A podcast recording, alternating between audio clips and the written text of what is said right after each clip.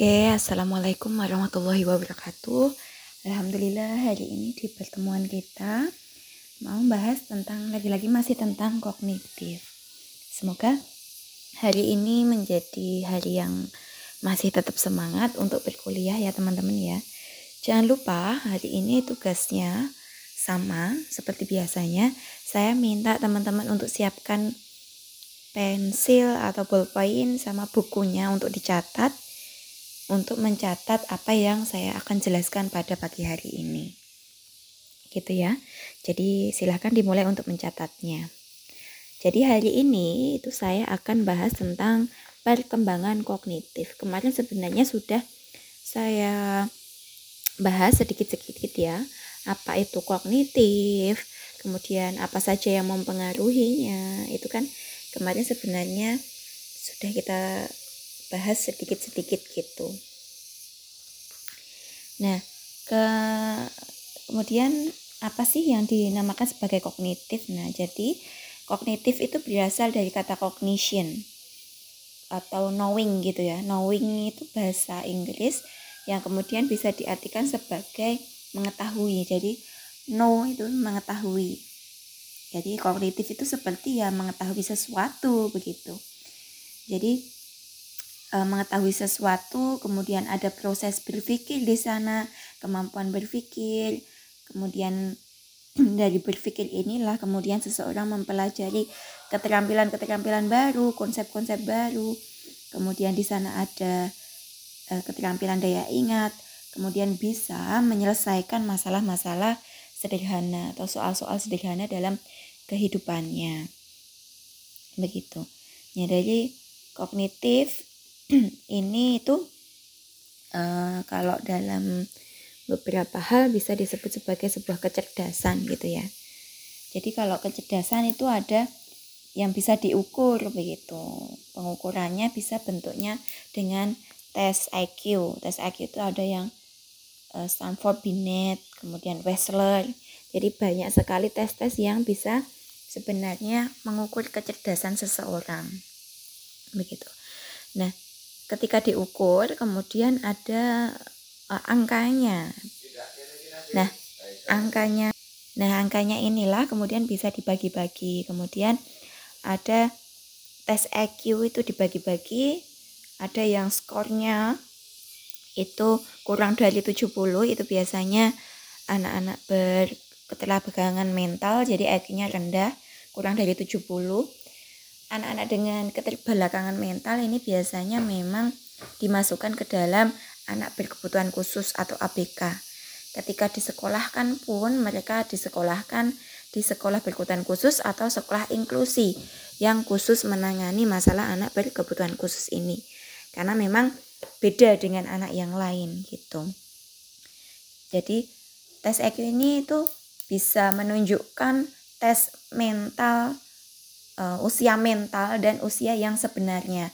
Usia sebenarnya itu ya usia satu tahun, dua tahun gitu ya, sesuai dengan angka kelahirannya. Sedangkan usia mental itu cara berpikirnya. Jadi ada anak usia tiga tahun tapi usia mentalnya itu sudah dewasa. Ada yang lima tahun, jadi dia cara berpikirnya itu seperti anak usia lima tahun, enam tahun, bahkan ada yang lebih tinggi lagi ketika memang IQ-nya itu tinggi. Nah, anak-anak usia yang mengalami ya, anak yang mengalami keterbelakangan mental yang IQ-nya itu dikurang dari 70 itu biasanya usianya lima tahun begitu. Namun usia mentalnya itu bisa jadi satu tahun. Makanya kok ada anak yang sudah lima tahun tapi tidak bisa bicara karena memang ya bicaranya kayak anak usia satu tahun mentalnya masih satu tahun gitu jadi uh, IQ-nya rendah begitu. Usia mentalnya masih rendah begitu. Kemudian ada yang IQ-nya itu 80 sampai 90 ini normal jadi IQ-nya masih normal namun cenderung rendah juga. Namun anak-anak ini masih bisa uh, bersekolah secara normal juga seperti anak-anak yang lain mungkin tapi agak lebih terlambat dibandingkan anak-anak yang uh, nilainya di atas 90 Kemudian ada IQ dari 90 sampai 110. Ini adalah nilai rata-rata anak. Jadi normal. Jadi anak normal itu IQ-nya 90 sampai 110 jadi ketika di sekolahan ketika memperoleh kegiatan dari gurunya dia bisa um, mengatasinya. Kemudian ketika ada masalah dia bisa mengatasi dengan lancar baik gitu. Karena dia rata-rata uh, normal begitu kemudian ada di tes IQ 111 sampai 120 itu cenderung tinggi. Jadi ketika menyelesaikan masalah itu lebih cepat dibandingkan anak-anak yang di bawahnya atau rata-rata tadi. Jadi kadang-kadang kan ada anak ketika mengerjakan kegiatan, melakukan apa ya, sesuatu di kelas itu lebih cepat. Nah, ini kemungkinan anak-anaknya memiliki IQ yang uh, tinggi ini, 111 sampai 120. Ada yang superior itu 120 sampai 130. Ini lebih cepat lagi. Bahkan anak-anaknya bisa menjadi anak-anak yang lebih ketika di kelas itu lebih bosen. Bosen dengan kegiatan yang di kelasnya. Karena apa? Ya dia lebih cepat dibandingkan anak-anak lainnya. Dia kadang-kadang merasa kegiatan itu sudah sangat mudah dilakukan gitu. Nah, itu kemudian gurunya seharusnya bisa membuat sebuah kegiatan yang tentunya lebih menantang pada anak ini gitu. Kemudian ada IQ yang lebih tinggi lagi di 130 sampai seterusnya. Ini ya biasanya ini disebut sebagai anak-anak jenius. Anak-anak seperti Pak Habibie, Einstein yang seperti kita kenal itu adalah orang-orang jenius. Nah, orang-orang jenius ini lebih lagi penanganannya karena anak-anak jenius yang IQ-nya di atas 130, 140 itu juga termasuk dalam anak berkebutuhan khusus ternyata. Jadi ABK itu ternyata bukan hanya yang kurang, tapi ketika dia berlebihan sekali, melebihi orang-orang normal itu juga anak berkebutuhan khusus. Makanya sekolah-sekolah di SMA itu biasanya ada sekolah yang akselerasi. Jadi teman-teman yang lain itu tiga tahun, dia hanya dua tahun, bahkan satu tahun itu sudah bisa lulus. Karena apa? Karena jenius tadi. Teman-teman yang lain menyelesaikan pekerjaannya itu uh, standar dia sangat cepat sekali. Nah ini anak-anak yang jenius dan mem membutuhkan uh, pengelolaan yang khusus. Makanya dia biasa dimasukkan ke sekolah yang khusus tadi khusus orang-orang yang cerdas-cerdas atau inklusi. Inklusi itu ya campuran. Ada anak yang normal ada anak yang kurang bahkan ada yang anak yang lebih begitu Nah, kemudian apa sih yang mempengaruhi kok ada perbedaan antara anak satu dengan anak yang lain? Kenapa kok bisa beda-beda gitu ya? Ada anak yang jenius, kenapa ada anak yang berketerbelakangan mental? Kenapa kok seperti ini? Nah, faktor yang mempengaruhi secara garis besar itu ada dua. Yang pertama hereditas, kemudian ada lingkungan. Dan kedua hal ini saling berkaitan erat, tidak bisa e, satu persatu. Semuanya harus saling mempengaruhi, semuanya harus saling ada. Gitu. Nah, hereditas ini adalah e, genetik yang kemarin kita bahas, sebenarnya sudah dibahas. Ya, jadi ada sebuah penelitian bahwa individu yang memiliki hubungan kekeluargaan itu cenderung memiliki IQ yang relatif sama. Jadi kalau ada individu e, kakak adik begitu ya, Ketika kakaknya IQ-nya tinggi, kemungkinan juga IQ dari adiknya juga akan tinggi juga begitu. Nah, kemudian uh, eh, IQ anak itu akan similar atau hampir sama dengan IQ orang tuanya. Begitu. Jadi uh, hereditas atau genetika itu menjadi potensi yang membawa anak itu mengalami uh, nilai kecerdasannya jadi ada garis keturunan keturunannya. Kemudian ada sebuah penelitian lagi dari Arthur Jensen ya. Ini tahun 69 itu membandingkan anak yang kembar identik dan tidak identik. Kan kembar kan ada yang identik ya. Yang sama persis plak ada juga kembar yang tidak identik. Jadi ada bedanya gitu. Bahkan ada yang beda sama sekali gitu. Nah kembar identik itu ternyata memiliki kecerdasan yang hampir sama bahkan 100% gitu e, kecerdasannya kemudian sementara anak yang tidak identik itu e, kecerdasannya itu e, tidak terlalu similar ya ya ya hampir sama sih tapi tidak seidentik, tidak sesama ketika dia kembali yang sama plek begitu. Kemudian uh, dari berbagai penelitian ada lagi penelitian yang lain. Ini ada uh, penelitian dari anak adopsi. Jadi uh, anaknya itu diadopsi oleh sebuah keluarga. Kemudian diteliti apakah anak ini memiliki kecerdasan yang sama dengan orang tuanya yang kandung atau sama dengan uh, IQ dari yang mengadopsinya. Ternyata ketika diteliti, ternyata anak ini itu memiliki kecerdasan yang sama dengan orang tua kandungnya ternyata begitu. Namun ketika ditelisik lebih lanjut gitu ya, ketika anak ini itu diangkat oleh keluarga dengan keluarga yang lingkungannya bagus, pendidikannya bagus gitu, itu ternyata kecerdasan anak itu meningkat 12 poin. Contohnya uh, kayak IQ kan ada poinnya yang tadi ya 111 gitu ya. Anaknya itu ketika diasuh oleh keluarga pengasuh yang memiliki lingkungan yang bagus, maka dia akan naik 11 poin, 12 poin. Jadi 111 ditambah 12 gitu. Jadi ada penambahan ketika memang lingkungannya baik. Nah, dari penelitian itulah maka muncul sebuah teori bahwa ternyata selain genetik itu ada juga peran lingkungan yang bisa mendukung anak lebih meningkatkan kecerdasannya bahkan hampir 12 poin tadi begitu. Nah kemudian uh, ternyata skor IQ itu juga meningkat dari abad-abad sebelumnya. Jadi dulu zaman dulu sekali sebelum kemerdekaan Indonesia mungkin ya itu orang itu dianggap pintar begitu. IQ-nya bagus, IQ-nya sangat cemerlang gitu. Namun di masa sekarang ini IQ segitu itu dianggap seperti IQ yang biasa. Orang-orang dengan kecerdasan yang seperti zaman dulu dianggap pintar, ketika hidup di zaman sekarang itu dianggap sebagai orang dewa, eh, orang biasa yang IQ-nya ya rata-rata begitu. Nah, kenapa hal ini terjadi?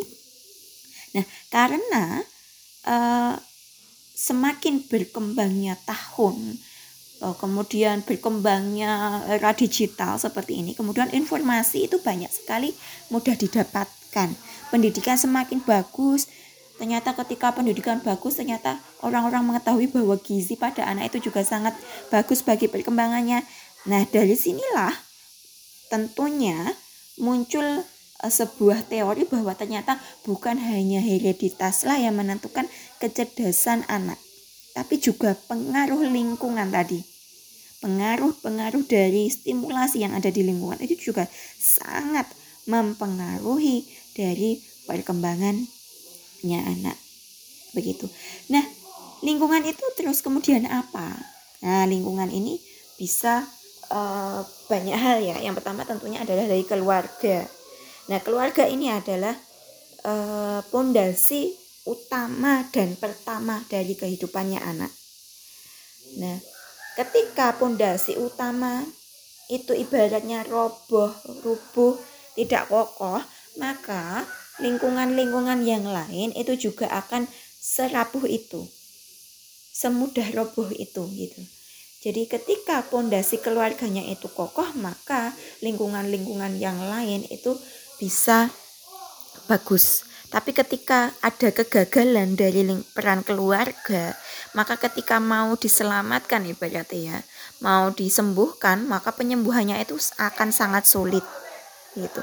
Nah, lingkungan ini bentuknya seperti apa? Bentuknya seperti kasih sayang, sentuhan, dan kemudian ada attachment atau kelekatan ibu dan anaknya kelekatan ayah. Nah, ayah ini juga sangat berperan penting. Jadi, kelekatan itu bukan hanya dari ibunya, tapi juga ayahnya. Jadi, namanya orang tua itu kan ayah dan ibu. Nah, dua orang inilah yang kemudian berperan penting dalam membentuk kecerdasannya anak. Gitu. Nah, e, keluarga ini fungsinya itu adalah dari seperti ya tadi bentuknya adalah dengan cara modeling. Modeling itu pemberian contoh jadi uh, orang tuanya yang memberikan contoh-contoh itu apa yang dilakukan orang tuanya, itulah yang akan dilakukan oleh anak. Jadi ketika orang tuanya itu tidak hormat, tidak santun kepada orang lain, tentu orang tua juga tidak akan bisa membuat anak menjadi hormat dan santun kepada orang lain juga. Gitu. Jadi children see, children do. Apa yang anak lihat itu adalah apa yang anak akan lakukan. Gitu. Jadi ketika anaknya itu kok pemalu, kemungkinan orang tuanya juga pemalu juga ketika anaknya itu tidak mau bersosialisasi dengan orang lain, coba kita tengok orang tuanya. Apakah di rumah orang tuanya juga tidak mau bersosialisasi dengan tetangganya? Nah, itu eh, namanya modeling, pemberian contoh. Kemudian ada yang namanya mentoring. Mentoring itu pemberian mentor. Mentor ini ada beberapa macam ya. Ada yang namanya enticing. Enticing itu adalah empet empati. Jadi ketika anak merasa sedih gitu ya, ketika anak merasa sedih, maka orang tuanya akan dengan gercep atau tidak cepat gitu ya melihat anak-anak sedih kemudian dia akan datang kepada anaknya. Adik kok sedih kenapa? Apakah sakit? Apa kenapa? Kemudian ditanya. Itu namanya empathizing. Jadi orang tua merasakan apa yang dirasakan oleh anaknya gitu. Jadi anak sumber-sumber sakit itu walaupun anak nggak bilang di orang tua pasti akan tahu anaknya itu sedih anaknya ibaratnya ada masalah di sekolahan dapat pembulian ibaratnya tanpa anak itu berbicara tanpa anak itu uh, curhat ibaratnya ya itu akan orang tua akan tahu itu namanya enticing nah inilah yang seharusnya peran orang tua lah yang uh, harusnya ada. Jadi jangan sampai ketika anaknya mendapat pembulian di sekolah tidak orang tuanya nggak paham, orangnya nggak tahu. Nah ini peran orang tua jadi tidak tidak berfungsi akhirnya gitu. Jadi uh, orang tua bisa merasakan apa yang anak rasakan. Kemudian ada yang namanya sharing. Jadi ketika orang tuanya sudah ma mampu merasakan anaknya, maksudnya merasakan apa yang dirasakan anak, merasakan apa yang anak dalam hatinya itu kemudian dia bisa sharing berbagi kenapa anak kok sedih gitu kemudian anaknya kemudian mulai sharing jadi setelah empathizing itu ada sharing tadi uh, di sekolahan uh, makananku direbut sama temen gitu tadi di sekolahan uh, minumanku malah ditumpahin sama temen ditumpah-tumpahin kayak gitu Nah, itu namanya sharing, berbagi apa yang anak rasakan kemudian dia bisa utarakan kepada orang tuanya. Kemudian ada yang namanya affirming. Affirming itu penguatan. Penguatan itu bentuknya penguatan yang positif maupun yang negatif. Contohnya ketika anak melakukan sesuatu yang bagus, maka dia akan memberikan apresiasi. Ketika anaknya, ya tadi kalau temennya itu uh, apa ya ibaratnya mak merebut makanannya apa yang kamu lakukan ya tak bilangin kalau ini makananmu kalau kamu mau nanti tak bagi nah ketika dia melakukan sesuatu yang baik orang tuanya kemudian memberikan penguatan oh bagus. Yang kamu lakukan sudah pinter. Mau berbagi sama temennya tapi temennya dikasih tahu bahwa tidak boleh merebut makananmu. Gitu. Tapi ketika anak itu melakukan sesuatu yang tidak benar maka orang tua juga wajib memberikan uh, pengetahuan. Contohnya, kalau tadi teman merebut apa yang kamu lakukan? Ya, kalau temanku rebut ya tak jatuhin, tak dorong, nggak boleh ambil makananku. Nah, itu kan sesuatu yang salah, maka orang tua wajib memberitahu. Jadi jangan dibenarkan. Eh, kalau temennya mau merebut makananmu, yang kamu lakukan seharusnya harusnya berbagi. Tidak usah didorong. Nanti kalau didorong dia satu sakit gimana? Nah itu namanya farming penguatan. Kemudian praying. Nah ini yang sering jangan supluk juga dimasukkan. Praying itu mendoakan jadi mendoakan anaknya menjadi anak yang soleh solihah ternyata itu masuk dalam mentoring tadi praying nah tadi kan ada dua ya modeling sama mentoring. Nah, mentoring tadi ada banyak tadi, empathizing, sharing, affirming, sama praying. Kemudian yang ketiga, itu adalah namanya organizing. Jadi bekerja sama. Jadi di dalam sebuah keluarga itu ada kerjasamanya. Jadi anak itu bukan hanya uh, germelu-melu lantok gitu. Enggak, tapi ada andil di dalamnya. Anak itu kita apa ya? Ketika contohnya makan besok itu mau makan apa, itu anaknya juga diajak mikir gitu loh ibaratnya. Jadi jangan hanya menyediakan untuk anak, tapi biasakan anak juga ikut berpikir, ikut andil dalam keputusan-keputusan yang ada di rumah. Besok makan apa, besok liburan di mana, besok pakai baju apa, bahkan hal-hal kecil seperti itulah juga akan meningkatkan kecerdasannya anak. Nek anak aja nggak pernah diajak mikir untuk makan apa, ya dia nggak akan mau mikir hal-hal yang berat yang lainnya. Contohnya begitu. Itu namanya organizing. Kemudian ada teaching, Teaching itu sebagai guru bagi anak-anaknya. Jadi ketika anak belajar, ketika anak bermain, ketika anak melakukan sesuatu harus didampingi. Harus melakukan pendampingan. Ya, itu yang harus dilakukan. Kemudian tadi ya lingkungan itu kan ada keluarga, itu yang utama dan pertama. Kemudian ada sekolah. Sekolah itu bentuknya stimulator. Jadi anak yang apa ya? Jadi bentuknya stimulasi distimulasi karena guru-guru tentunya guru-guru yang ada di PAUD itu adalah biasanya kan harus lulusan dari S1 PAUD maka dia memperoleh pengetahuan-pengetahuan tentang anak sehingga treatment kepada anaknya itu tentunya akan bagus akan benar gitu.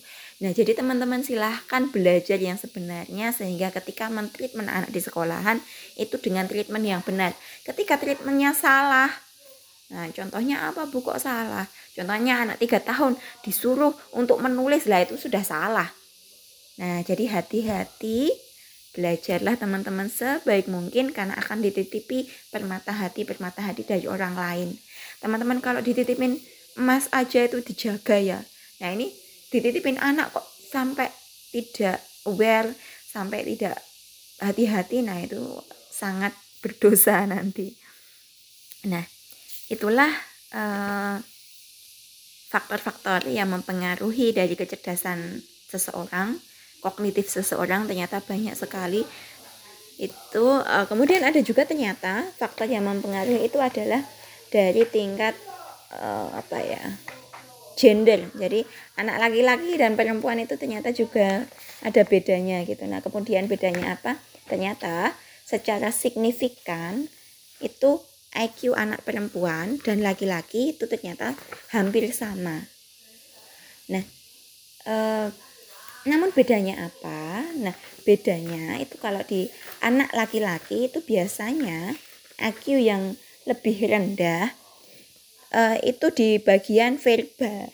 Jadi mengungkapkan kata-kata, kemudian verb dengan bahasa, dia berbahasa itu lebih rendah dibandingkan anak yang perempuan. Sedangkan anak laki-laki tadi itu memiliki eh, apa ya? kecerdasan di bagian area yang berpikir spasial, jadi perhitungan, kemudian ruang-ruangan, kecerdasan apa ya, mengukur, Nah, hal-hal seperti itulah itu lebih tinggi yang anak laki-laki, sementara anak perempuan itu akan lebih tinggi atau lebih condong kecerdasannya di bagian verbal. Makanya kok anak perempuan lebih banyak bicara gitu ya. Itu lebih banyak gosipnya ternyata memang dari hasil penelitian seperti itu. Namun secara globalnya itu kecerdasan laki-laki dan perempuan itu ternyata hampir sama. Nah, demikian uh, dari Bu Nur untuk penjelasan lebih apa ya lebih ringkasnya tentang perkembangan kognitif dan apa saja yang mempengaruhi dari Bu Nur. Semoga ada manfaatnya. Untuk teman-teman jangan lupa untuk resumnya. Uh, saya akhiri. Wabillahi taufiq wal hidayah. Wassalamualaikum warahmatullahi wabarakatuh